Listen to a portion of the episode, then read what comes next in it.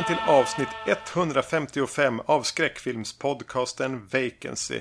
Det är jag som är Erik Nyström. Och jag är Magnus Johansson. Vi har kommit till den här delen av våra liv när man mest bara eh, stannar upp för att prata om vem som har dött sen sist man pratade. Ja. Eh, Och nu, eh, bara sen sist vi spelade in ett avsnitt så har både Toby Hooper och Harry Dean Stanton dött. Mm, just det. Harry Dean Stanton är ju lite så här att man blir glad varje gång han dyker upp i en Ja. film som man ser. Eh, För han är så bra, helt enkelt. Eller var så otroligt bra.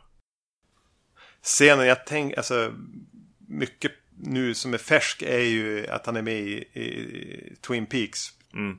Eh, och det var väl Gustav från Tittar de snackar som hade lagt upp den på sin Instagram. Där han sitter och spelar och sjunger gitarr. Mm. Och det är det jag tar med mig från hans... Eh, det är väl en så här, utökad cameo nästan. Ja. Eh, han kunde ju sjunga också. Ja. Jag läste om att han var tydligen, han, han var i valet och kvalet om han skulle bli eh, sångare eller skådespelare. Just det. Va, vad tänker du på när du tänker på Harry Dean Stanton? Vilken är rollen? Alltså, ja det blir väl Alien för mig. Ja. Eh, sådär. Men, eh, och så tänker jag på några saker som jag inte har sett än. Paris, Texas till exempel. Mm, ja, Även den är ju fantastisk. Ja. Mm, den har jag inte sett. Eh, men ja, eh, jag tycker det är så roligt när han dök upp där i Avengers helt plötsligt också. Gjorde han? Eh, Ja, det är, ja vem är det? Det är Hulken eller något som så här landar i något hus och så Ja, kommer just han. det. Ja, första Avengers-filmen. Ja, Det precis. är den jag har just det. sett i och för sig. Mm. Eh, lite roligt just för att det är lite så han dyker upp i filmer känns det som lite grann. Han är ju med i Christine också. John det. Carpenters Christine. Han och eh, Roberts Blossom. Mm, De får inga scener mot varandra tror jag. Eh, Nej. Men lite syndiga. Ja. eh, ja, ja, men det är en, det är en så här. Inte den, om, om någon skulle be mig snabbt säga mina favoritskådisar så skulle jag nog inte säga Harry Dean Stanton. Men han är som där hela tiden som en, som en basgång i bakgrunden. Fantastisk. Eh, han var 90 eller 91 hade han väl till och med under fylla så det är väl inte en stor... Det är alltid tråkigt när någon dör men det var väl hans tur antar jag. Han har en film, han har en film som nog inte har kommit än som heter Lucky som är inspelad i år. Okej. Eh, som handlar om en, vad var så här, beskrivningen på IMDB? Bara, The spiritual journey of a 90 year old atheist. Eh, han, han hade här, första credit, andra credit hade David Lynch. Ja, okej. Ja, så det är väl något att kika in. Just det. Ja, eh, Tobe Hooper var lite mer oväntat ändå. Ja, precis. Eh, ja. Ja, Han var väl, som jag har förstått det, lite så här enstöring så där. Eh, Eller borta från rampljuset. En sån här person som, eh, ja, som bara dyker upp tydligen. Jag eh, lyssnade på den här Mick Garris eh, podcast eh, Postmortem. Ja. eh, som de har, som han eh, har. Där de pratade om eh, Toby Hooper eh, i ett fint, fint avsnitt. Vet man hur han dog? Hade han varit sjuk länge eller var det något hastigt eller? Nej, det var väl, ja just det, shit. Ja, det vågar jag inte svara på nu. Nej. Men det var ett fint avsnitt där de pratade. Ja, definitivt. Ja, så det kan man kolla upp. Eh, och det, det, det konstiga där är ju att avsnittet innan var någon slags hyllningsavsnitt till eh, Wes Craven. Eh, som Mick Garris då i början av det avsnittet var tvungen att komma in och säga under redigeringen här så dog Toby Hooper också. Eh, och vi har ju pratat om George R. Romero här också. Det är bara, det är bara Carpenter kvar nu. Ja, precis. av, av de eh, här amerikanarna. Precis. Ja, det är den generationen på något sätt. Nej men Hooper, alltså jag får lite dåligt samvete när han dör. För jag som tänkte, ja men han är one hit wonder. Han gjorde en av världens bästa filmer med Texas Chainsaw Massacre. Och sen har han väl haft lite tur ibland och fått ihop något som är okej. Och så har han gjort en jävla massa skit. Och jag har inte, man har som inte ens sett spåren av den här talangen man såg i, eh, Texas. Nej, precis. Och det Nej. går jag och har lite dåligt samvete över att jag rackar ner på han liksom, de senaste 20 åren. Ja, Eh, nu precis. när han har dött. Eh, så är det. Jag, jag eh, såg eh, om The Funhouse. Ja, just ja. Oj, oj vad jag hade glömt den. Och eh, den är ju intressant i det att den, den borde bara vara en sån här komisk eh, 80-tals romp lite grann. Ja, Men att den får, får ändå smutsen och ja, skiten från liksom Texas Chainsaw Massacre in i det på något sätt ändå. Så att det, det känns som det finns någonting där i hans liksom being eh, som, eh, ja, som, som visar sig där, även där. Men ja, så den var lite kul att se sådär. ja den måste jag se om. Det, eh, no, nog pratat om det döda kanske. Ja, precis. Toby Hooper kommer vi ju tillbaks till på podden. Garanterat. Eh, garanterat, ja precis. Harry Dean Stanton kommer säkert att dyka upp i någon film Ja. så småningom också. Ja, precis. Eh, Salems Lot gjorde han ju till exempel. Ja, den är väl inte så dum. Eller vi har ju till och med avhandlat den någon Ja, gång för några år sedan. I, i, i vår eh, liksom avhandling av eh, Stephen King. Mm, du gör en liten brygga här. Jag var inte riktigt med på det. För det vi ska prata om nu är ju då eh, It gånger två. Ja, It, eh, tv-filmen här, var en av min, mina första favoritfilmer. Nu har jag fått det på bordet. Eh, jag, jag minns inte längre om jag såg den och sen läste jag boken eller om jag såg den efter jag hade läst boken. Men jag är ju som jag har, har nämnt tidigare i Pet Sematary-avsnittet började ju läsa Stephen King lite för tidigt. För, men, men å andra sidan fick jag ju se vad jag ville lite för tidigt också. Min syster hade ju alla de här Stephen King-böckerna som var ju kända i sin bokhylla. Och någonstans blev jag intresserad av dem. Och plockade någon och läste någon. Och, just de här Det hette då uppdelade i två volymer. Det var inte en enda tjock bok- utan två relativt tjocka böcker. Som heter Det 1 och Det 2. Och jag tyckte alltid att det var lite roligt så här. Oho, det är som att de borde heta Del 1 och Del 2 fast det är ett T istället för ett L. Så jag vet att jag tog ut och tittade på dem och då var det någon clown på omslaget. Och jag frågade min syster, vad handlar den här om? Hon sa bara, ja men det, är en, det handlar om en clown som bor i kloaken och äter barn. ja, Så där satte hon det. Precis. Yes. vad vi kommer att prata om. Eh, och och eh, jag har ganska starka minnen av att ha läst den här sommaren 92. Samma år som det var eh, OS i Barcelona och mina föräldrar åkte utomlands och jag ville inte följa med. Så jag bodde så här lite grann hemma själv, lite grann hos mina kusiner och läste det. Mm, okej. Och att eh, jag gjorde en lista över mina favoritfilmer i sjuan tror jag det var. På, eh, vi skulle göra boken om mig-grej. Och då valde jag att göra en del så här, mina favoritfilmer. Och det jag vet är att det var på första plats. De andra två filmerna jag tror jag vet är med är dels Nakna Pistolen eh, och Better Off Dead med John Cusack. Och, vi, vi, men, och, och nu är den ju då eh, bioaktuell igen till slut. eh, Med en riktig biofilm, inte en, en miniserie som har klippts ihop till något slags ursäkt till film. Så vi tänkte att vi skulle prata om båda de här två. Och vi tänkte snabbt, lite kort prata om den eh, gamla versionen och lite kort om den nya versionen och sen försöka leda in det här på ett eh, jämförande mischmasch. Mm, precis. Eh, vi, vi kommer att ta för givet att eh, alla har sett filmerna. I alla fall efter att vi har gjort en kort recension här om Ja. båda verken. Eh, så ni kan hänga kvar en liten, liten stund till om ni inte har sett dem. Hade du sett gamla It, om vi säger Tim Curry It, innan det här? Alltså, eh, ja, ja, jag kände ju igen filmen när jag väl såg den. Men det var ju väldigt, väldigt länge sedan i så fall. Eh, min favoritfilm alltså eh, 92-93 där. Eh, ja, men som min syster sa, en, en clown som bor i kloaken och äter barn. Eh, en grupp barn bestämmer sig för att försöka stoppa det här detet som tar sig formen av en clown. Det här är, var alltså en miniserie eh, som har klippts ihop till en lång film där man har tagit bort eftertexter och förtexter. U vem skulle ursprungligen regissera? Ja, just det. George A. Romero. Just det. Just Såklart när Stephen King får välja så vill han att Romero ska göra men Romero verkar alltid ha annat för sig. Mm. Då var det tänkt att bli en 10 timmars miniserie.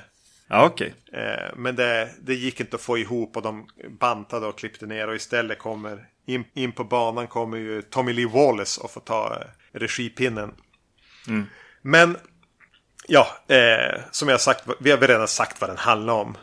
Eh, och min favoritfilm som sagt var under en, eh, två, tre år där när jag var i, de tidiga tonåren. Och jag har därför svårt att säga att den är jättebra eller jättedålig nu för den är så dränkt i, dels i nostalgi och dels i en kärlek till Tim Curry som, som går liksom bortom den här filmen. Så jag tycker ändå att, att eh, som en tidskapsel ihop så är den har poänger. Den lyckas få in vissa scener som jag tycker ha en viss mysrysfaktor. Jag tycker Tim Curry är underhållande och eh, väldigt självsäker som Pennywise.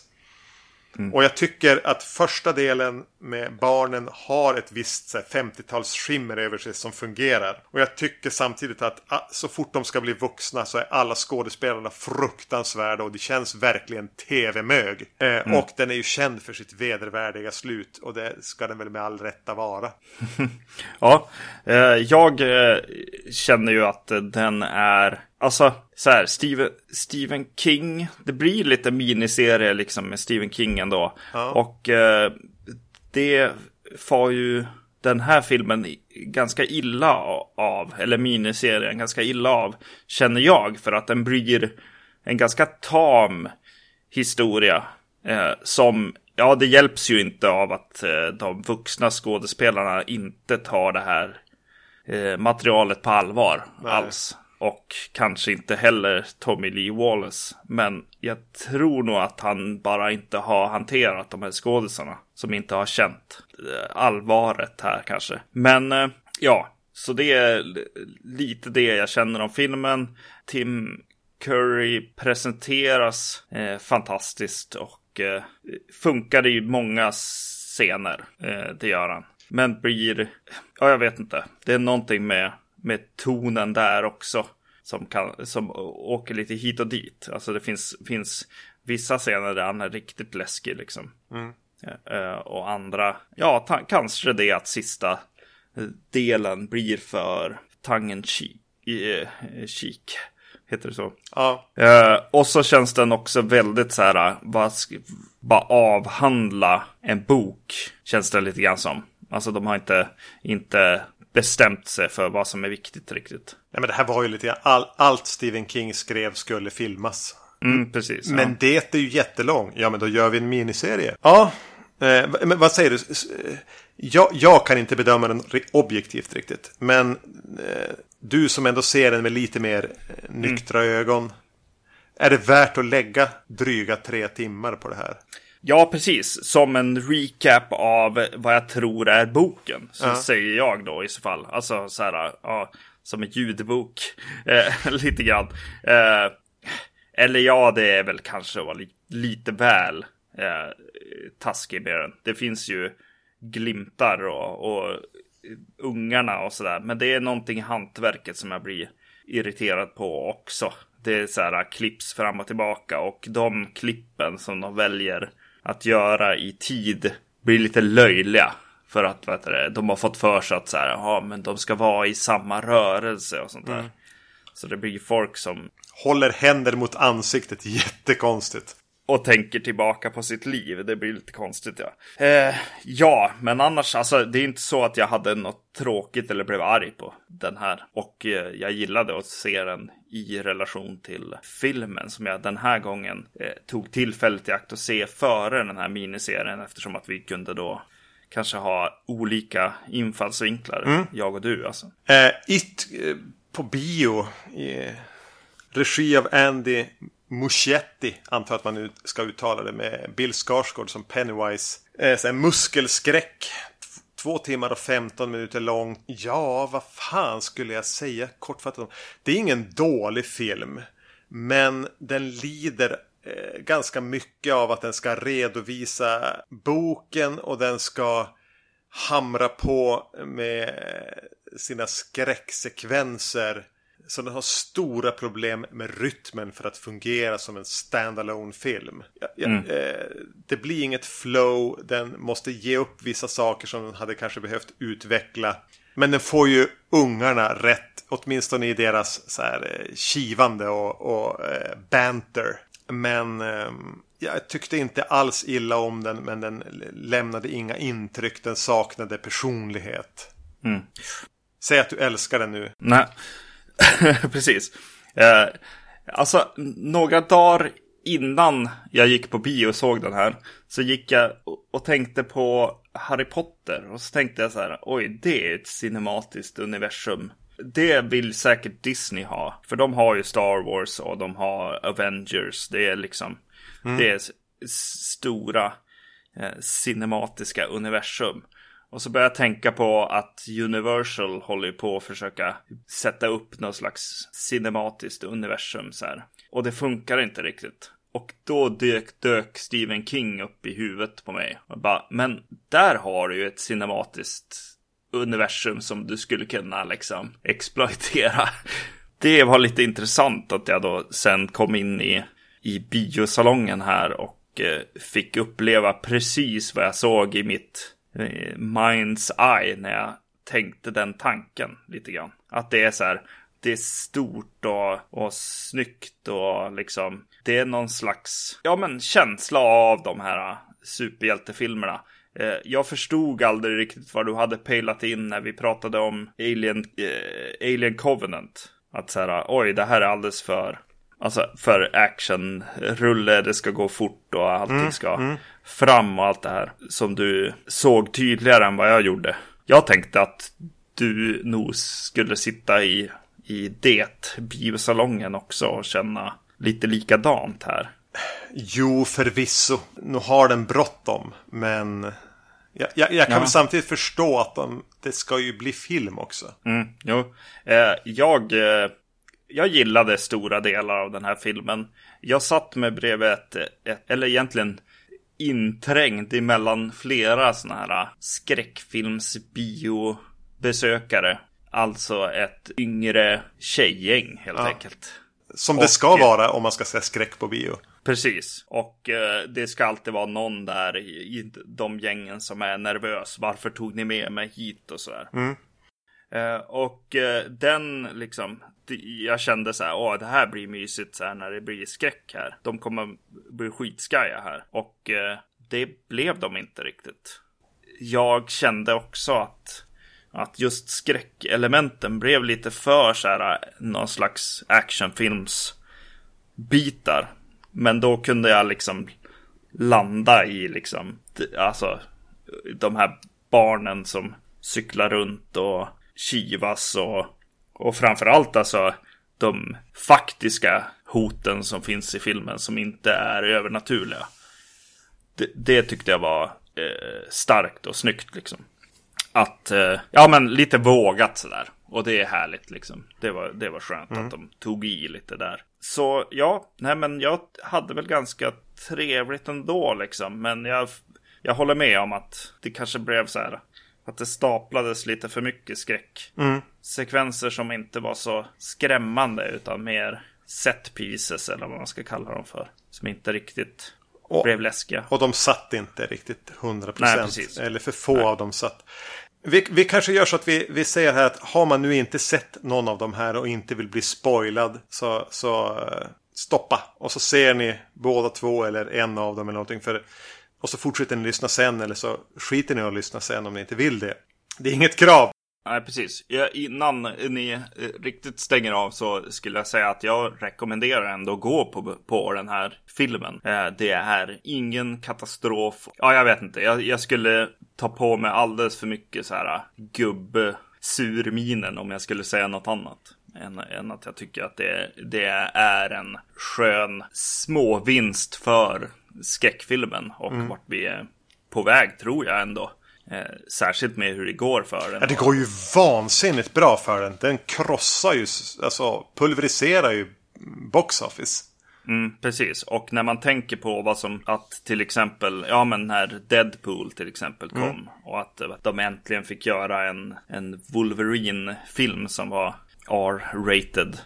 Så kommer det här ju säga någonting åt Hollywood. Och vi kan ju, om det går åt rätt håll, så kan vi få något kul liksom. De kommande åren liksom. Eh, ja, men jag läste någon artikel om det faktiskt. Kan skräckfilmen vara räddningen för Hollywood?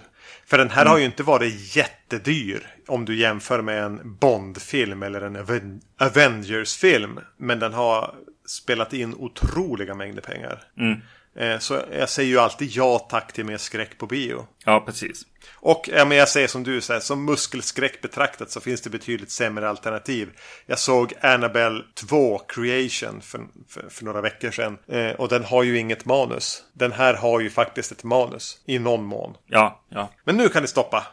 Ja. Stopp, stopp, stopp, stopp. Nu kommer jag komma in på spoiler-territorier och, och sånt där. Om ni är känsliga för det. Ja, hur fan ska vi hitta in i det här nu då? Har du någon bra? Eh, ja, det jag kom till. Alltså, mina notes är egentligen då att jag har gått på bio först och bara skrivit ner saker när jag har sett på miniserien. Eh, Jag börjar gärna ta avstamp i miniserien och så kommer Absolut. vi vidare då. Och ja, då eh, dyker ju Olivia Hussey upp. I, I miniserien här. Och du fick eh, något fuktigt i blicken. ja, precis. Blev väldigt, väldigt glad att höra hennes eh, röst en gång här. Så jag bara yes, det, det här blir bra. Men då, då handlade det om hennes kar som skulle åka därifrån. Så att eh, ja, det blev inte, inte så mycket Olivia Hussey. Och han är väl kanske den sämsta av alla skådisarna också. Jag har inte ens bemödat mig att ta reda på vad han heter. Han som spelar Mm. Bill som vuxen. Är ju... Just det. Nej, det blev inte så mycket Olivia Hussey. Nej, precis. Eh, ja, jag vet inte alltså. Bill... Ja, precis. Med hästsvansen. Eh, eller den jag egentligen tycker är sämst är han som spelar Eddie som eh, vuxen. Mm. Eh, men jag tycker att alla är dåliga. Ja, Eller så här, som du sa tidigare, att de, är, de tar inte det här på all, allvar. De tänker att de gör en så här special guest appearance i ett avsnitt av typ Airwolf eller någonting. Det är den inställningen de har haft när de har gått in i det här. Det här är bara tv. ja precis. Eh, De, de, de har redan ett öga på manuset för filmen de gör en jävligt liten roll i härnäst. Mm. Men det jag fick höra om den här eh, miniserien är ju att den ändå så här tryckte fram gränserna lite grann för vad man fick visa i tv. Ja, Alltså med framförallt mängd blod. Inte så att så här öppna sår i människor. Men den här... Eh, en av de här skräcksekvenserna är ju när Bill som, som barn sitter och bläddrar i ett fotoalbum och, och sörjer sin, sin döde lillebror. ja just det. Eh, och han kommer fram till en porträttbild och så helt plötsligt blinkar det fotografiet. Men det är så här rätt schysst så här bu-grej. Och så, Men så kastar han iväg albumet och bara väller blod ur det. Det var tydligen en ganska anmärkningsvärd scen att visa på tv. Ja, just det. Och den sekvensen för övrigt, eh, en eh, bekant till oss båda som heter Jonny, har beskrivit den att det är ett av de värsta ögonblicken i filmhistorien för honom. Han fick panik av den scenen han såg när han var liten. När, fo- när fotot blinkade. Han kunde inte Ja, hantera det. det. det. rev sönder någonting i. Just det. Och den är ju en sån här kul, kul skräckvinjett. Ja, eh, precis. Och då har jag, har jag varit på bio här och så kommer Pennywise in i eh, miniserien här. Och eh, har ju en, en mer, han är ju mer den läskiga clownen som vill ta dina barn, Tim Curry. Medans eh, Bill Skarsgård är ju, alltså, han spelar den ju som någon som, någonting som försöker vara en clown. Ja, någonting som inte är mänskligt. Eh, precis.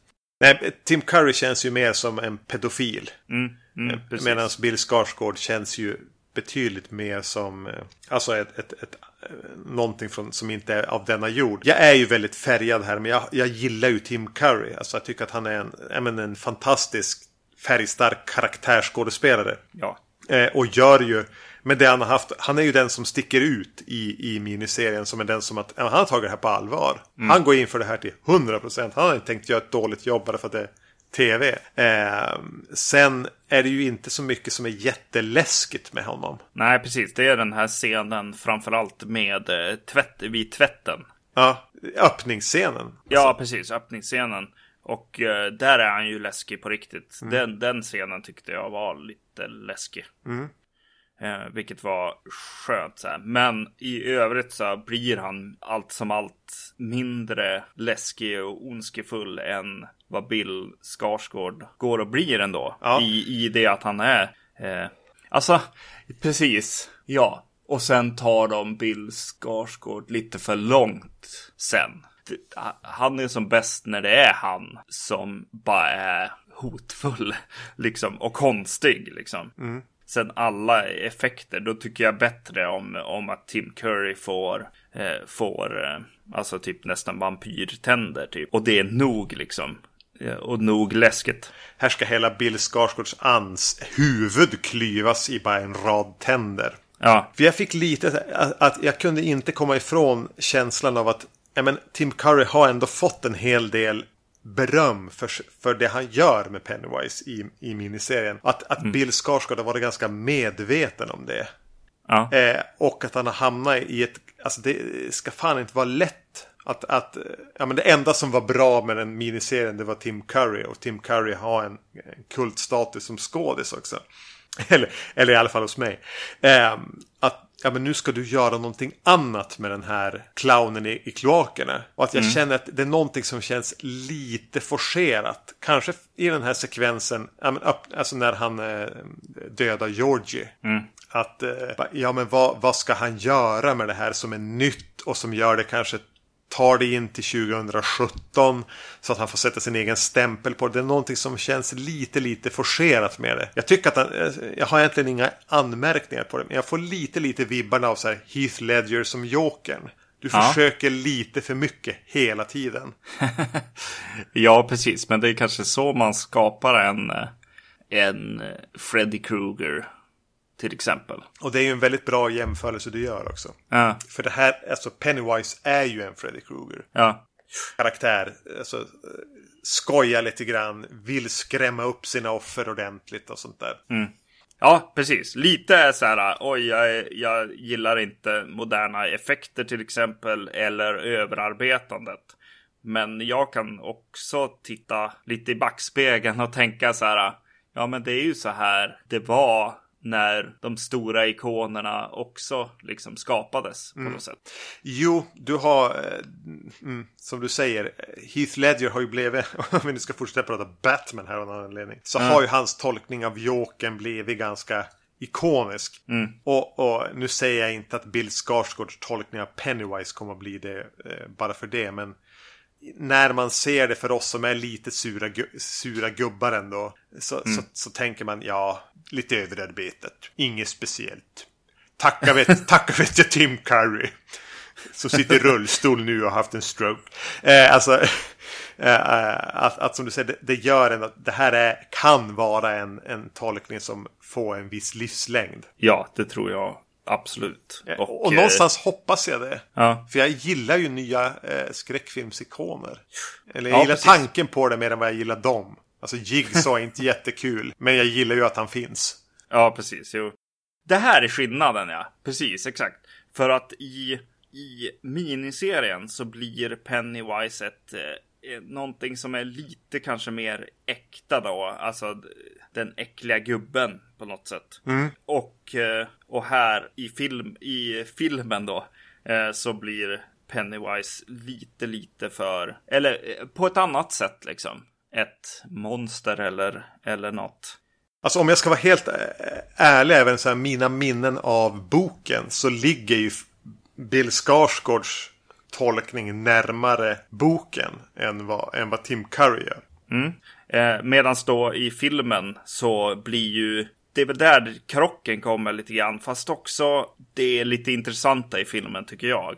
Det är att eh, de här andra vuxna som finns i filmen. Eller de andra verkliga yttre hoten. Alltså som mobbare eller ja pedofilpappan och alltså det där. Det blir ju så här. Eh, det blir ju att vad det Pennywise blir ju alltså flykten eh, från verkligheten på något sätt. Mm. Han, bli, han blir kanske droger, alkohol, film, eh, alltså knark eh, som är liksom flykten från vardagslivet på något sätt, tänker jag. Ja, framförallt för de här barnen från vuxenvärlden. Eller från Ja. verk... Ja, också. Eller från den fallerande vuxenvärlden. För, för någonting som slår mig hårt i, i hela det här det-universumet är att det finns, det finns bara yttre omständigheter. Alltså det finns bara miljö. Det finns inget arv, eh, känner jag Ja. i, den, i den här. Utan, utan allting handlar om att det som händer dig som ung och, och din uppväxt, det är det som skapar vem du är på något sätt. Pennywise blir ju någon slags så här, försöket till att komma undan nästan. Tycker jag det känns. Särskilt i filmen så känns det som att att eh, han är så här fantasin eller det mörka som kommer utav att att man har det eh, ja, jobbigt i sitt, sin närmiljö eller att man är mobbad eller sånt. Det här eh, som påverkar en genom hela livet sen då. Men det är lite grann det här temat med den, med den eh, fallerande som jag sa tidigare. Eller den svikande vuxenvärlden för de här barnen. Eh, Som är ganska vanligt i skräckfilmer. Och eh, ett ganska återkommande tema även för Stephen King. Att vuxna, de är värdelösa eh, för att de är jävla skitstövlar. Eller så märker de bara ingenting. Och att det, det blir upp till barnen att bygga, alltså att rädda dagen, att bygga sin egen verklighet. Och, och det kommer att forma dem till de de sen blir som vuxna. Och att de är de enda rationella män, eh, människorna som ser sanningen. Det, det går lite hand i hand med det. Ett, ett, Ja. ett, ett tema genom, jag tycker framförallt genom hela It. Att det är barnen som ser saker för vad de verkligen är. Medan de vuxna har antingen fullt upp med sina egna issues eller så har de som lullats in i någon slags eh, jag bryr mig inte, inte mitt problem eh, attityd. Mm. Och de tittar, tittar bort från Ja. det här. Medan barn, barn och ungdomar som ser allt och tar in allt utan filter, det blir de som agerar och faktiskt gör en skillnad. Det är det som är det sanna, det äkta på, på något vis. Ja, precis. Och eh, det känner jag jättebra, eh, är jättebra i filmen. Den aspekterna liksom. För de gör det ganska, alltså full on. De gör det tydligt på något sätt. Så här, Beverlys pappa, eh, alltså har ju sexuellt utnyttjat henne. Eller det är ju tydligt. I filmen, det är ju inte miniserien direkt, utan det är mer så här någon slags överbeskydd eh, i någon slags eh, redneck-skrud liksom. Ja, jag minns inte riktigt hur det är i boken, men jag antar att det är mer som i filmen. Stephen King bangade ju inte på, att, på, på, på sexuella övergrepp direkt. Ja, precis. Och, eh, och även eh, hans liksom ganska extrema mobbare liksom. Ja, ja, de är ju förhöjda. De där mobbarna finns ju inte. Nej. De är någon slags ideal typ av en mobbare. Ja, men precis. De, och, och eh, seriemördare in training liksom. Ja, Eh, Allihopa. Jag gillade att, att de tog det så, liksom, så långt och att, att eh, mobbaren där blev ett riktigt, riktigt hot så här. Eh, och då, allt det är häftigt och det blir en konstig kontrast tills när det är så här, eh, när en tavla väcks till liv och är så här halv dåligt dataanimerad. Eh, och sådär, att det liksom inte riktigt, alltså det blir Pennywise eh, och deras, deras skräckbilder är inte lika läskigt som verkligheten nej, i filmen. nej. Den här, eh, vad heter det, Munchausen Pie Proxy eller vad det heter. Eh, mamman till exempel. Det är ju, eh, Eddies mamma ja. ja. ja precis. Det är där jag känner att, att, att, att ett styrelsemöte som har fått bestämma vissa saker. Som till exempel den mamman eller till exempel den här kvinnan i tavlan. Eller ja, in, i, inga fler exempel från min sida. Nej. Men alltså att, att det känns så här, fram... eh, Det ska vara där. Eh, Och att det saknar personlighet. Det kommer inte från eh, ett, ett... Det finns inget i filmen nu. Finns det, inget, det finns inte där i filmen utan det känns ditlagt i väldigt stor utsträckning. Jag känner inte att karaktären, de här barnen vi får träffa, andas de här personerna. Det finns ett, ett brus däremellan där det inte riktigt känns äkta. Mm. Jag känner så kring eh, skräckelementen och sy- synerna och så här. Ja, det ska vara en spetälsk för Han som har lite svårt med med medicinering och vara sjuk och ja, hela den grejen ja. liksom. Men jag känner ju, jag skulle tro att de här föräldrarna och den synen, det känner jag snarare då är filmskaparens, liksom, det han fick. För det känns mer äkta eh, skräck och någonting som någon vill prata om på något sätt. Mm. Medan han kanske har sagt så här, ja men, ja vadå, ska det vara en tavla eller vad, vad, vad vill ni ha typ? När det kommer till skräcken. Eller kanske att man har lutat sig konstigt till boken eller något sånt där. Jag vet inte. Just de här Spetälska ska väl vara med. Spet, Spetälska är ju med i boken.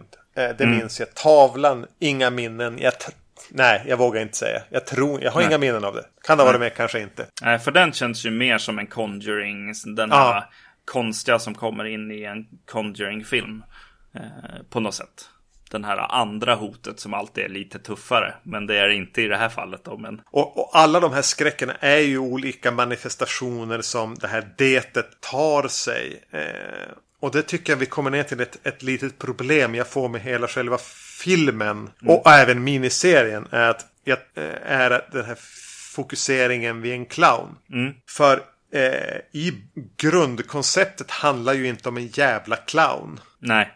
Och det handlar inte heller om alltså, att det är någonting som manifesterar sig i det de är rädda för. Utan det är ju någonting så här, Det är ju verkligen en ursprunglig, urkraftig ondska. Snudd på omöjligt att riktigt visualisera på film. Något som fungerar bättre skrivet eh, än, mm. än, än, på film. Men att eh, jag, jag känner det så starkt att, att när de har gjort eh, filmen här så har det blivit clown-gimmick-grejen. Mm. Och, och, att de verkligen bara har kört det ner i marken. Och att det inte ja. riktigt får resonans med resten av historien. Ja men det är en jävla clown. Oj då. Alltså att jag hade hellre sett att han hade kunnat komma i kontakt med den här känslan av en ursprunglig evig ondska. Som inte... Den, den tar sig ibland formen av en clown för att den vet att barn gillar clowner. Det är lättare att locka till sig barn med clowner. Eh, mm. Och även kanske skrämma dem med en elak clown. Eh, ja. Men, eh, och, och, och, det här detet har ju även börjat gilla att vara clown. Mm. Men nu blir det här bara clown-gimmick-grejen. För alla jävlar är ju rädda för clowner numera. ja. Och alltså... Det är lite alltså- trist att det blir så. Att det blir bara så här den här läskiga clownfilmen. För det är ju någonting helt annat för mig. Mm. Ja, men alltså. Ja, jag tyckte ju jag kände av den aspekten mest. För det var då det kändes. Liksom. Eh, en, alltså så här, oj, de vuxna bara tittar sig bort från hela det här problemet och allting. Bara scenen där han, eh, eh han sitter och läser på biblioteket. Ja. Vad, vad nu den karaktären heter. Ben Hanscom.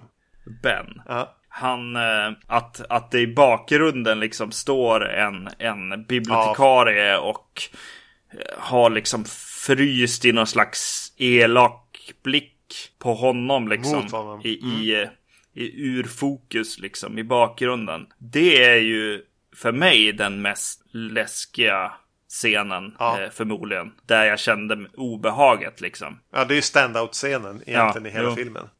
Om man ska plocka ut ur skräcksynpunkt så är det ju bara oj, så där brukar man inte få göra för att du kan nästan missa det. Ja, precis. Ja. Eh, det var schysst. Men då, ja precis. Och allting jag känner med så här Beverlys situation såklart. Eh, för att den blir så jävla spänd och jätteäcklig. Mm. Eh, när pappan är med. Det är de här scenerna som är så här. Det är gränsen att gå för långt. Alltså det är då när de scenerna kommer upp som jag börjar så här vilja se Lucio Fulcis det.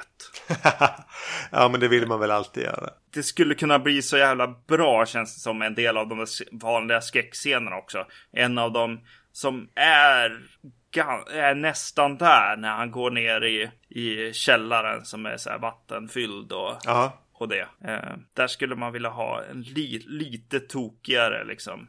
Lite mer personlighet. Ja, precis. Har du hört vad som är med i boken men inte i någon av filmatiseringarna. Eh, det, det, är den här eh, gruppsexet ja. eller vad man ska säga.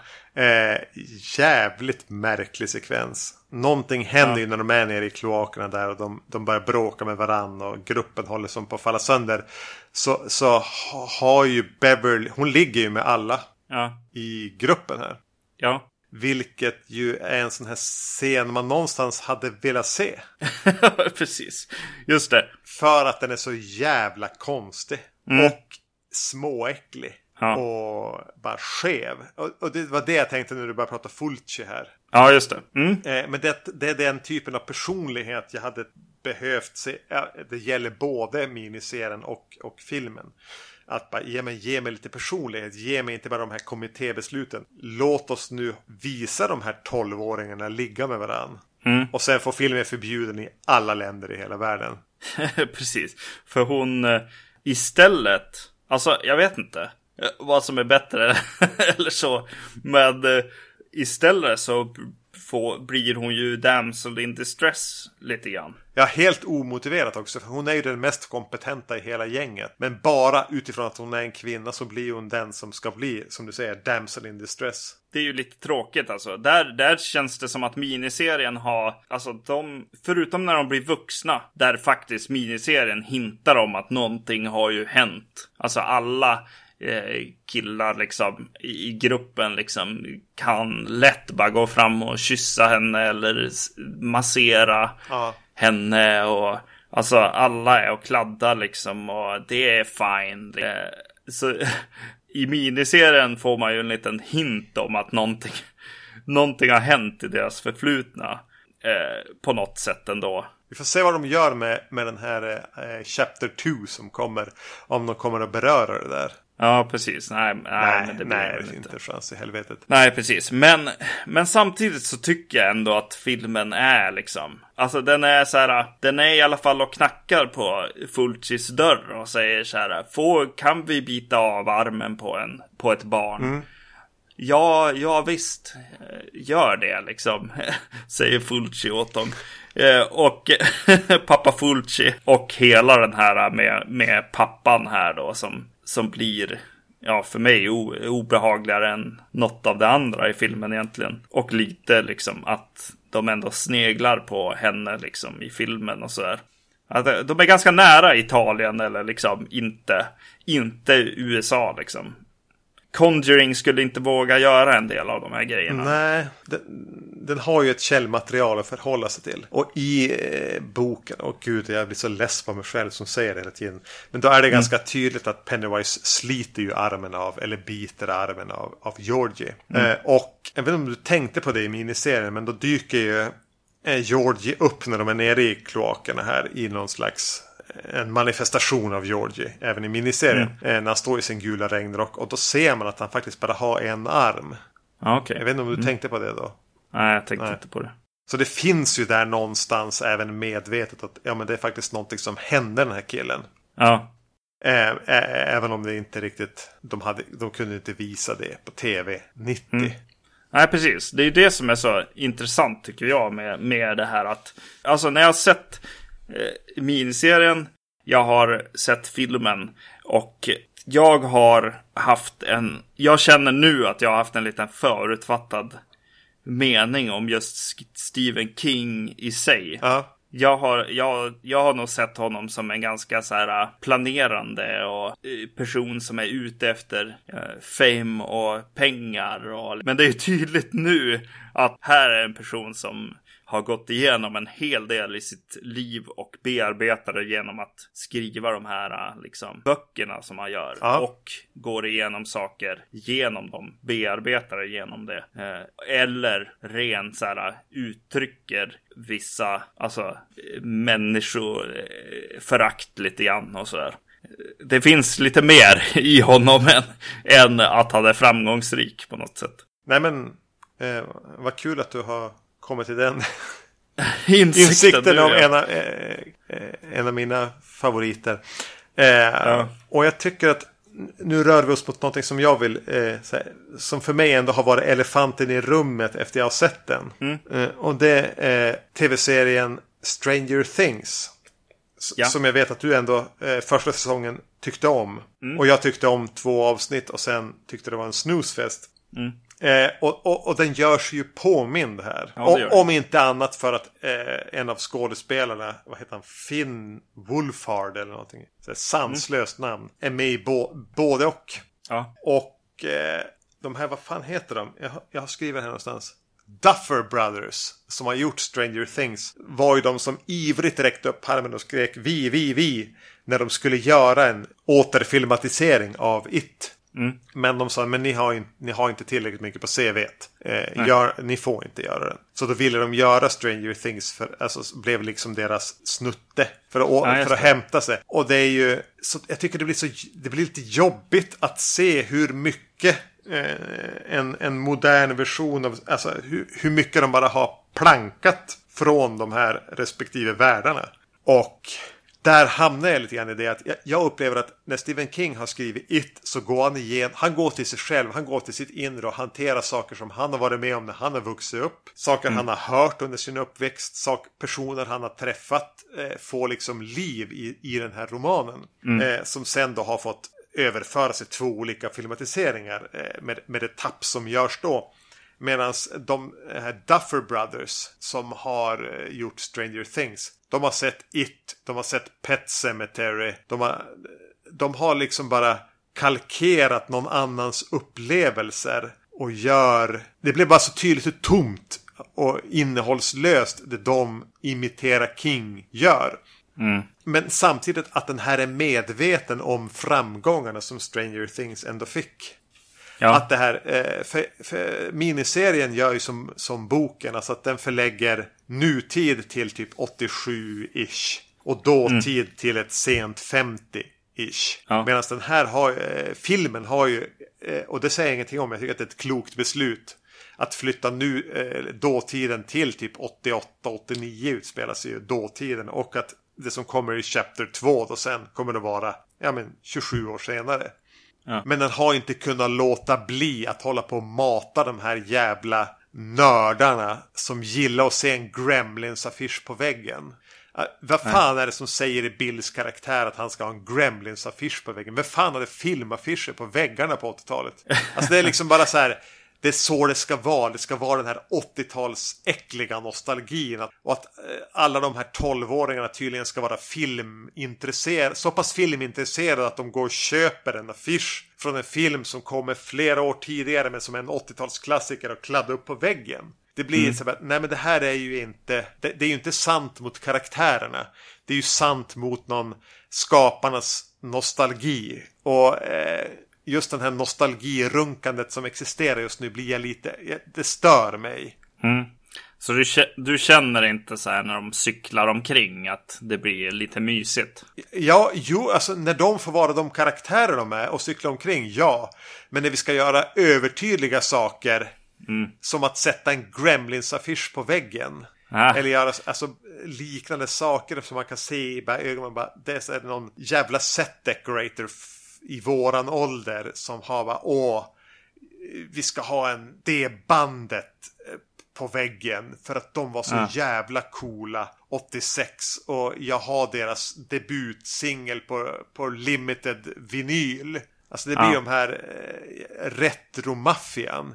Det, blir, det, har ingenting med, det har inte med storyn att göra, det har inte med karaktären att göra. Utan det är bara en påklistrad nostalgifernissa som jag tycker är äcklig. Då blir det ju, det blir ju också extra jobbigt då förstås när det blir fel också. Alltså som till exempel det här som någon eh, skrev på Facebook att så här, vänta, de här neon, alltså ljusgröna eh, legobitarna fanns ju inte då. Ja. Bara, Men det, är inte, det handlar inte om research eller liksom att bygga en värld som utspelar sig på 80-talet. Liksom. Utan det handlar om att sätta upp en Gremlins-affisch. Ja. ja, jo, det är, det är precis. Ja. Då har de inte, Ja. de har utgått från fel plats. ja, precis. Men jag är inte säker på att jag tycker det när det kommer till karaktärerna än i slutändan. Ja, Alltså, eh, det kan vara så att jag blir så irriterad av allting som... Alltså en film 2017 som sätter upp en Gremlins-affisch på väggen. Då tänker jag bara att men jävla regissörsjävel, sluta sätta upp en affisch för din favoritfilm från 84 på väggen i din film du gör 2017. Det här handlar bara om dig, det handlar inte om någonting annat. Precis, det handlar om att de är barn med eh, intressen och framförallt att de är barn. Och det handlar om en uppväxt. När det blir, ja, alltså New Kids on the Block-skämten och sånt. Alltså, Alltså för mig sitter ju New Kids on the Block-skämten bättre än en Gremlins-affisch på väggen. För jag vet att regissören här, Muschietti, han älskar Gremlins. Och han hatar, hatar New Kids on the Block. Eller bryr Ja. sig inte. nej. Hm. Men, ja. men det här är jag som blir lite väl meta kanske. Mm, mm. Um, någonting jag hade velat se som jag tycker miniserien fångar. Som jag eh, upplever att eh, filmen går miste om i, i sin jakt på nästa muskelscare. Och eh, när den väl ska stanna upp så stannar den upp i så här rappt och visserligen lyckat kivande mellan karaktärerna. Den här sorgsna tonen eh, som Ja. jag tycker miniserien fångar bättre. Men det här är en stad som, som någonstans i sin själ är medveten om att det dör folk mer där. Det försvinner barn. Det är inte riktigt som det ska. Och, och, och att det får en, en sorgsenhet och en eftertänksamhet i någon mån i miniserien. Som jag hellre hade sett mer av i filmen. Det här, jag tycker inte pianoklinken funkar lika bra i, i filmerna. Att, att jag menar, ett, ett, ett större vemod hade jag önskat. Jag hade hellre velat se hur de sörjde över Georgie än, än vad de gör i, än vad de faktiskt gör. Sen får vi se hur de liksom väljer. Det kanske, det kanske finns en poäng med det som kommer tillbaka i det här Chapter 2. Eh, och man ska eh, inte byta språk mitt i en, en mening. Men du förstår vad jag menar. Ja, alltså jag tycker ju att det blir för mycket redovisning. Jag tycker att filmen har en skön eh, mysterium i det. Ja. Att så här, ja det går någon och sätter upp en wanted eller en missing eh, lapp liksom och så här och, och de här som kör förbi mobbarna liksom utan att göra någonting och det. Eh, I miniserien så bara pratas det om den sekvensen. I filmen så får man uppleva det. Ja. Så jag, ja, jag, jag vet inte. Eh, Jag, jag tycker nog att, att det blir lite för tydligt då i så fall i, i miniserien kanske. Jag, jag, vill, jag vill tänka lite mer än vad, vad den gör. Ja, jo. Men, men ja, alltså det är kanske inte filmen liksom. Den uppnår inte riktigt det heller. Och, och det är när det blir så här skräckmomenten. Alltså den skär sig lite grann i det här som jag ser som det positiva i den. Att så här, fy fan vilken jävla morsa och allt det där liksom. Ja men det blir det. Jag hade hellre sett att de hade offrat än att eh, en av skräcksekvenserna som ska staplas på varann. För varje karaktär. Offra någon av dem. Vi kanske inte behöver se eh, sju karaktärers individuella upplevelse av It. ja, men skit i Mikes, skit i Stans, skit i Eddies. Och ge oss hellre då, lägg den tiden på att bygga en atmosfär i hur var det i att vara i Derry när barn bara försvann. Hur var det för de här ungdomarna? När de bara sitter liksom och dricker Loranga och bara Fan, våran klasskompis är borta. Har du hört det? Va? Oj, så här, vad rädd jag blir. Alltså, lägg det på det. Mer det, mindre bara att, att vi har de här sju jävla karaktärerna som hela tiden ska redovisas. Att de Ja. har upplevt samma saker. Och det blir ett problem. Och, och där kommer vi in på lite grann på min huvudfråga. Med, med de här filmatiseringarna. Och den vet jag att du har varit inne på tidigare. Bara, ska man verkligen filma alla böcker? Eller ska man ens filma böcker? Ja, just det. Eh, för, för poängen med It, om jag, nu- om jag nu ska få stanna upp lite grann vid själva eh, boken. Så är ju det att det är en bok, den är jävligt omfattande, det var uppe uppåt tusen sidor. Eh, men alltså den utspelas dels alltså 57 eller 58 och dels 8, ja, 28, mitten av 80. Så vi har de två parallella handlingarna med karaktärerna. Och sen berättar den ju dels i, i tillbakablickar i Derrys historia. Och vi får tillbakablickar i karaktärernas liv och vad, de, vad som har hänt kort mellan de här två huvudspåren och vad som små, små eh, sekvenser som händer dem under de här somrarna. Och vi presenteras för fler karaktärer som får ett kort ögonblick Kanske för att de faller offer eller för, för att de har en del i den här stora jävla mosaiken som målas upp. Och det är som är lite poängen. Och, mm. och när man då kommer in och ska göra film av det så blir man alldeles för eh, respektfull inför vad man står inför den här mosaiken. Och tänker att jag vill ha med allt det här. Eller framförallt ja. alla de här sju eh, The Lucky Seven eller The Losers Club som de kallar sig för. De är viktiga. Ja men det är mm. kanske inte så jävla viktigt att de är sju. Offra någon av dem. Stryk dem. Men fånga alltså poängen snarare. Än att ja. redovisa alla de här karaktärerna. Mm. För man kan inte göra det här rättvist på film utan att ta sig friheter. Det blir som när man ska göra Harry Potter, att man blir förtrogen boken. Bara, mm. Söndra och härska gör en bra film, men håll inte på att redovisa. Sluta med det. Ja. Eh, och jo. det är det jag tycker blir det stora med, med, båda filmerna. Båda hade mått bra av att skippa dem, för de har ju inte tid med dem, men de är där. Ja, precis. Eller gör den här George A. Romero 10 timmars versionen. Nej, men det är klart. Alltså, de skulle kunna ha, ja, klippt bort lite folk och de kunde ha liksom. Ja, alltså det finns ju. Det finns ju frågor som filmskaparen eller någon manusförfattare eller någonting har ställt sig här. Eh, frågor som vi har ställt tillbaks också. Varför en clown? Mm. Eh, till exempel. Och så bara, ja men det är ju eh, det får bli Bills liksom. Det han tycker är läskigast. Richie om vi ska vara noga. Ja, Richie. Ja, precis. Precis. Ja, han blir någon så här huvudperson eh, bara för att han är kändis liksom på något sätt mm. här. Eh, som då gör så här att ja, men då då, då är det okej okay att det är en clown. Eh, då blir jag hellre så här, ja men bara, kan det inte bara vara en clown då? Ja. Det, det är så här modern manusförfatteri eller det är någonting så här så jävla dumt med att försöka förklara allting. Som blir jävligt irriterande faktiskt. Eh, det, det är lite så här. Ja, men det, det, blir lite mer dataspels eh, författeri liksom ja. på något sätt.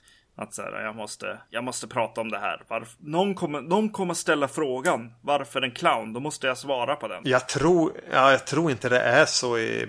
Det här minns jag inte i boken, men jag tänker att eh, där är det att, att Pennywise har vant sig vid, eller It har vant sig vid den här gestalten av en clown. För den gillar liksom barn bäst. Sma- mm. Det är godast. Eh, och lyckas man skrämma dem så smakar de ännu godare. Mm. Det är lite det som är inställningen. Och, och då har jag, ja, men jag, jag, är den här clownen. Jag trivs rätt bra i den här. Ja, det är som, alla har vi våra så här, favoritmyskläder vi tar på oss när vi kommer hem från jobbet och tar av oss de här obekväma jeansen eller vad vi nu har på oss. Eh, och, och It har vant sig liksom vid att, att vara den här clownen. Ja. Eh, I filmen drar den in det här att, att Richie ska vara rädd för clowner. Eh, ja. Och det är också en sån här sak, bara stryk. det, det behövs inte. Ja. Nej, nej, precis. Mm. Alltså, någonting om tv-serien här då, eller miniserien, som inte finns i filmen som jag vill prata lite grann om. Det är ju den här när de blir äldre och sånt. Och det, och det har ju att göra med det här som jag säger att så här, allt är miljö i, i den här filmen, i miniserien. Att så här, ja, blev du eh, liksom sexuellt utnyttjad av din eh, pappa eller hade en sträng pappa så får du en sträng liksom eh, otrevlig kar liksom. Ja. Och eh, är du liksom gömmer du dig bakom eh, skratt så blir du känd komiker i slutändan. och hela den biten så här. Karikatyr. Det är väldigt, det blir lite karikatyr va? Ja. Det känns inte som research. Utan Nej. det känns som Stephen Kings förutfattade meningar. Och det är skillnader i boken och i filmen. Hur, vilka yrkesval de har valt. Det vet jag. Ja. Eh, bland annat Richie här. Alltså han som är den roliga. Han är inte en komiker. Han är typ DJ eller någonting. Det är nyansskillnader som ändå gör en viss skillnad i helhetsupplevelsen. Mm, mm. Utan det blir lite det här tv-förenklandet. Som blir ja, lite, lite pinsamt att se. Ja men precis, det är det jag känner också. Och särskilt i att de fick så här. Ja, så blev alla berömda. Ja. Det, kanske, det kanske ligger något i så här den magiska liksom, delen av det här. Men det känns också som att det ligger i någon slags att så här, Stephen King har tappat lite eh, verklighetsuppfattningen liksom. Med så här, oj, jag hade det så jobbigt. Jag känner det. Jag måste bearbeta allt det här och det leder då till att man blir kändis också. Ja. För det gör det ju inte. Nej, Eller oftast inte. Nej, oftast inte. Nej, precis. det är lite det. Alltså att Be Beverly eh, också driver ett, ett företag liksom. Ja. För mig då, med mina förutfattade meningar så är inte det riktigt där, jag, där hon då skulle hamna på något sätt. Det, nej, inte så, inte så. Inte specifika personer. För specifika personer kommer att ta det steget Ja. och komma liksom vidare. Men att alla gör det. Ja. Och jag tror att det kan ligga en sån här magisk förklaring där. Att de som lämnade Derry av de här Lucky Mm. Seven eller Losers Club har det gått bra för. Som att det är någonting där som vill belöna dem för att de inte är där. Och det, Glöm det här Ja. och belöna och kom inte tillbaka liksom. Ja, just det. Ja, det och, för, för det är också sånt som skalas bort lite grann i filmatiseringarna som inte riktigt går att filmatisera. Är ju, det finns ju som en, nästan en astralplan till allt det som händer här. Framförallt i de här slutstriderna som ju är mediokra. Både, äh, äh, miniserien är ju bedrövlig. Och den är ju medioker skulle jag säga i, eh, bi, Filmen, bi, ja. i filmen. Ja. Mm. Men i böckerna så är, existerar ju som samtidigt allting på ett eh, astralplan där Bill är i någon The Ritual of Shud med It och så här, som handlar om att de, man biter sig fast i varandras tungor och utkämpar någon Battle of the Minds. Och, och, och det är ju Ja. någonting med den här gruppen eh, att de är sju. Det, det är någonting som håller dem samman. Det, är li- det är tydligare i miniserien. Det kanske blir tydligare i, i fortsättningen på biofilmen. Eh, att, att det är ju någonting med dem som deras sammanhållning. Att de, de är vänner på ett sätt. Alltså kärleken som finns i kombi- som gör att, att It får svårt att komma åt dem. Det finns någonting där. Eh, och Ja. i boken förklaras det ju även att de, står lite, de får lite hjälp av Maturin som är en jävla mytisk sköldpadda. Eh, s- Sköldpadds eh, eh, finns ju i bioversionen. De har den här legosköldpaddan och de pratar om några sköldpaddor vid tillfällen. Men ingen kommer ju någonsin att våga väva in det på allvar i en filmatiserad historia. Det fungerar ju inte att filma. Det är sånt här som fungerar i bok. Det låter ju löjligt när jag beskriver det bara. Eh, Det låter som att eh, Stephen King är eh, tungt drogad när han skriver det. Det kan han nog vara. Han hade ju ganska stora problem med alkohol och, och, och droger under eh, ja, men, eh, 70 och stora delar av 80-talet. Så ja, det finns, men han gillar att jobba på de här olika andliga planen. Att man, alltså, vissa saker händer i en verklighet men även händer i en annan samtidigt som har vissa beröringspunkter. Samma sak är ju med den här som går på bio, eller har slutat gå nu med Dark Tower. Som jag har, eh, Ja. jag har inte sett den, jag vägrar se den, jag tyckte den verkar fruktansvärd. Ja. Eh, men jag har ju läst de böckerna och de, de handlar ju, det är ju som en liten spegelvärld av våran där det finns vissa små beröringspunkter och Maturin här nämns ju även i, i de böckerna som en protector of the beam eller vad det är. Så det är ju, det är ju en flummig jävla fantasyvärld som existerar någonstans också. Och, och, och den här Maturin då på något sätt bidrar till att hjälpa dem att ha den här sammanhållningen som gör det svårt för It att komma åt dem. Som man har kunnat komma åt andra barn och ungdomar. Eh, så det här är ju sånt som gör också som gör att bara, ska man filma allting? För de här bitarna faller ju bort vilket gör att eh, slu- ja, men framförallt i miniserien här med den här jävla spindeln. Det blir bara patetiskt. Eh, Medan jag för mig att It är i någon mån i även i boken antar formen av en spindel. Eh, Medan när man lägger på alla de här lagren eh, med någon slags andlighet och demonväsen och en jävla sköldpadda. Så, så köper precis. man det i det sammanhanget.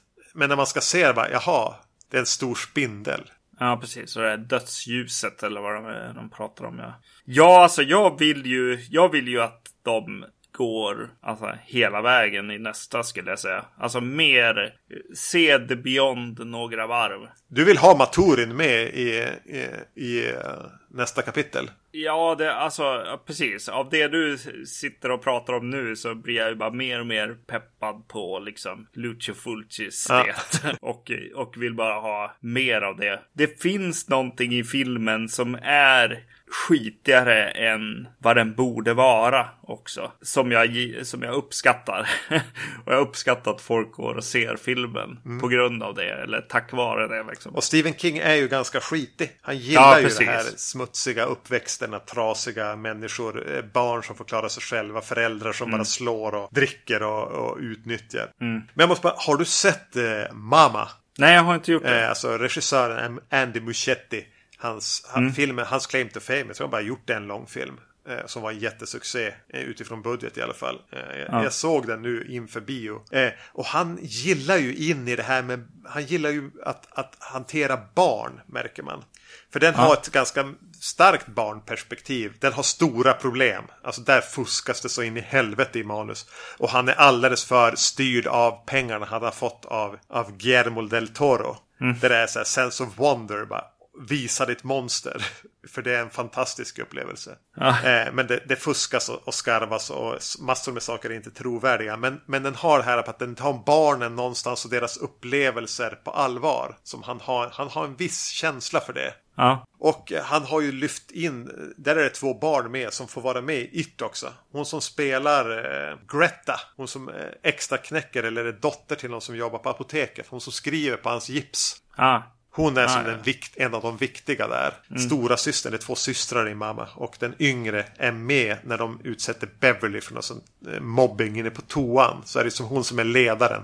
Men en av ah. de andra är hennes lilla syster i mamma. Ah, okay. eh, men eh, ja, jag törs inte säga om du ska se den eller inte. Den hade poänger. Och den hade lite grann av en egen röst. Men den fuskade och tappade så jävla mycket. Och Del Toro hade haft för mycket att säga till om. ja, ja jag, vill, jag, vill, jag vill ta upp några detaljer. Eh, framförallt eh, från miniserien. Först i alla fall. Seth Green är ju med i den. Ja. Och ja, ja jag, jag kände inte igen han alls förutom då att, ja, alltså, ja visst. Han har ju håret och sådär, men det är någonting som bara är det Seth Green? Alltså? Ja, nej, så jag hade inte sett, och då, sett det. Eh, om det inte var det att jag visste det nu när jag såg om den. Jag hade nog inte tänkt på det när jag såg den senast. Han är med i filmer från 80-talet som jag har koll på och då vet jag att det är han. Men här har han som gått in i någon sån här mellanperiod. Då han är ganska ja. olik sig. Men ja. eh, Emily Perkins då? Ja, precis. Från Ginger Snaps ja. är ju med också. Spelar Beverly. Och eh, jag tycker att i miniserien, alltså att, alltså där är det ju så här, ja men hon går, hon går in och blir ett, en del i gänget helt enkelt ja. i den här. Eh, med sina snickarbyxor och allt det där liksom. Och liksom fightas på samma liksom sätt som som killarna eller till och med bättre då. Sådär. När hon är ung. Ja, visst känns det naturligare där än i bioversionen? Ja, precis. Det är en sån ja. jävla stor grej av det i, i, i, i, filmen. Att det är en tjej. Ja, precis. Kanske då för att sätta den kanske i 80-talet. Ja. Och någon slags minnesbilder av att åh, oh, men hon är tjej och allt det där. Mm. Jag gillar Emily Perkins i, i mm. miniserien. Hon är skitbra. Ja, hon är bra där. Och, eh, men jag tycker ju att filmen gör det bra också i att att den blir lite skitigare. Att, att filmen skulle kunna ha med den här äh, scenen eh, där, de har, där hon har sex med alla. Mm. Den är närmare, den är betydligt närmare än miniserien. Ja, precis. Och det jo. finns en sexuell spänning där som, som ju är ganska bortskrubbad i, i miniserien. Ja, precis. Och det är det som är lite grann så här, åh, om ändå effekterna eller, alltså när den blir lite för conjuring. alltså när den blir lite för polerad liksom. Mm. I, I sina skräckmoment ja. tyvärr liksom. Ja, det, det, det gillade jag inte. Men jag gillar verkligen att, den, att den är lite så här, oj, det där, det där var, eh, vart är gränsen liksom nu? Alltså för att, alltså nu pratar vi om en film som kommer 2017 liksom. Det är, det är i relation till det liksom. Mm. Det är inte Italien på 70-talet liksom. Eh, men, eller 80-talet kanske snarare. Men ja, eh, jag, jag, blir glad att det är lite skit, det är nära på skitigt liksom. To Toby Hooper. Toby Hooper-smutsen. smutsen är, är, är, lite, lite när, närvarande liksom. Och jag gillar ju istället för, jag lyssnar på en annan podcast, en amerikansk podcast och de tyckte att så här, man, man kan göra den här lite kortare. Och det kan man kanske. Ja, ta bort lite skräckvinjetter så. Ja, precis, exakt. Men de var lite så här, oj, ska de verkligen skrubba ett badkar i, i, i liksom en kvart? Och så bara, ja, det är precis det de ska göra. Det är det viktiga liksom. Eller höjdpunkterna i filmen. Ja, de är ju bra barnskådisarna. Jag tycker ja. alltså, alla håller. Eh, jag mm. tycker väl kanske att eh, ja, men han är ju rolig och fyndig han från Stranger Things. Eh, och hon är bra, Beverly. och jag tycker mm. han som spelar Ben, alltså den, den knubbiga. Mm. Han trängs bort ur filmen tyvärr. Men han har någon, någonting som känns väldigt äkta över sig. Precis, lite som i miniserien faktiskt också. Han är väl bäst i miniserien tillsammans med, ja. med Emily Perkins. hon Beverly här i, i filmen, alltså när det kom så här, ja men det ska komma en till film i slutet då. Som var lite det här The Avengers will return ja. grejen. Då till slut så bara, vem är det hon är lik?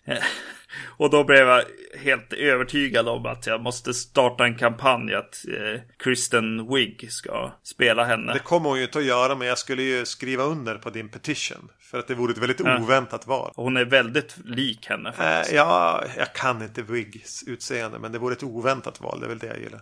Ja, precis. Om ni, om ni inte har sett filmen och går dit, tänk på det. så för att summera så känner jag att uh, It miniserien framför eh, rent uh, konstnärligt eller vad man ska säga. Tommy Lee Wallace uh, när han försöker sig på några så här konstnärliga grepp eller någonting som han har så här bestämt sig för. Så här, så här ska vi göra. Vi ska göra de här minnesbilderna med överfejdningar där karaktärerna står i samma eh, liksom pose. Eh, det känns eh, billigt och fult. Ja. Eh, alltså, och de vuxna karaktärerna som minns ser ju då sjuka ut i princip. Eh, en, och eh, ett till exempel är ju middagsscenen där, där uh, han bestämmer sig för att ha någon slags handhållen kamera som sveper över bordet. Som också bara, oj gud vad, vad fel det känns.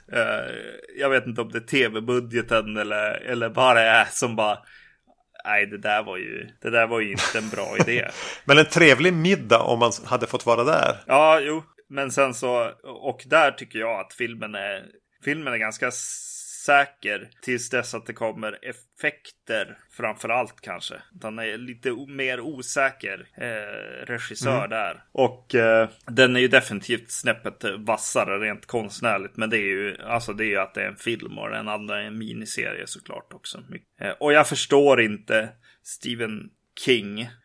Alltså jag får en känsla det här kanske inte är helt sant. Jag får se om jag kan, om jag kan rätta det, det här. Det kanske är mm. Mick Garris fel. Jag vet inte. Det är någons fel. Allt är alltid Mick Garris ja, fel. Ja. Det är någons fel att uh, Stephen Kings grejer blir till slut uh, långa, långa miniserier. Och uh, att göra en författare som, som jag nu inser är, är lite off the wall, lite sjuk, som måste måste göras lite mer R-rated liksom. Eh, inte bara i blod och, och så utan även i tematik och, och så.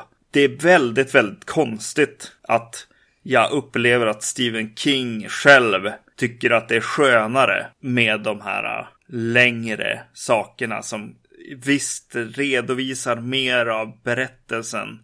Men som inte... Är ganska urvattnade. De är urvattnade och ger inte känslan som till exempel filmen här är på väg att göra. Alltså det här lite skitiga som finns inom Stephen King. Alltså känslan i Stephen King ligger ofta betydligt närmare typ House by the Cemetery än vad den ligger eh, med någon av de här it-versionerna. Mm. Men, men själv när han ska visualisera på film och eh, när han får själv få bestämma så blir det ju Mick Garris, alltså djävulskt usla versioner han verkar mm. föredra. Mm. Men jag tänker på att han har dålig smak. Det är liksom, han har dålig koll på vad det han gör själv som är bra. Tänker lite så här på Bob Dylan som inte verkar kunna so sortera eget material. ja. Jätteduktig men du vet ju inte vad som är bra. Nej, precis. Nej, precis. Mm. Eh, en sak, en sista, en sista sak. Mm. När vi spelade in avsnittet om The Love Witch så hävdade jag att det fanns en hyllning till eh, miniserien It i form av ett, ett, ett självmordigt badkar. Ja, precis. Håller du med? Ja, ja det gör det. Ja, det är en, det är en, det är en, det är en vinkning va? Ja. Eh, ja, det var roligt att se när jag såg den. Så bara, vänta det är något som ekar i, i bakhuvudet här. Något Erik har sagt också. ja, precis. Han sa något om det här nu va? Jag var inte Eh. vansinnig då. Nej, roligt samtal tycker jag att vi, vi har haft. Jag hoppas att eh, det eh, gick att följa med Ja, i hur jag och Erik pratar om film i vanliga fall. Känns det lite som här. Och att det har varit kul att vara någon slags del i samtalet. Det kan man ju i och för sig bli ännu mer på våran eh, Facebook-sida kanske mest. Eh, så vi kan prata vidare om det här på inlägget om, om just den här filmen. Det skulle vara väldigt roligt. vi var, vi var nog inte först med det här med att göra ett poddavsnitt om It bland poddar i Sverige. Men eh, vi kanske är äldst av de som har gjort det. eh, nischen där. Åh oh, shit, ja vad bra. Yes. det är sant. Men vi tar diskus gärna diskussionen vidare på, på Facebook. Eh, eller kan man eh, skriva ett mail till oss på podcast.venkese.se. I övrigt finns vi på en del sådana här eh, poddförmedlare. Acast, iTunes, vår hemsida vacancy.se. Eh, vill du berätta vad vi ska prata om i nästa avsnitt? Eh, nästa avsnitt kommer vi göra slashers från 80-talet. Ja, Och det blir eh, The Mutilator och The Slayer. precis. Heter de va? Ja, det ska bli Yes. skoj. Det ska bli kul. Då hörs vi då. Det gör vi. Hej! Hej.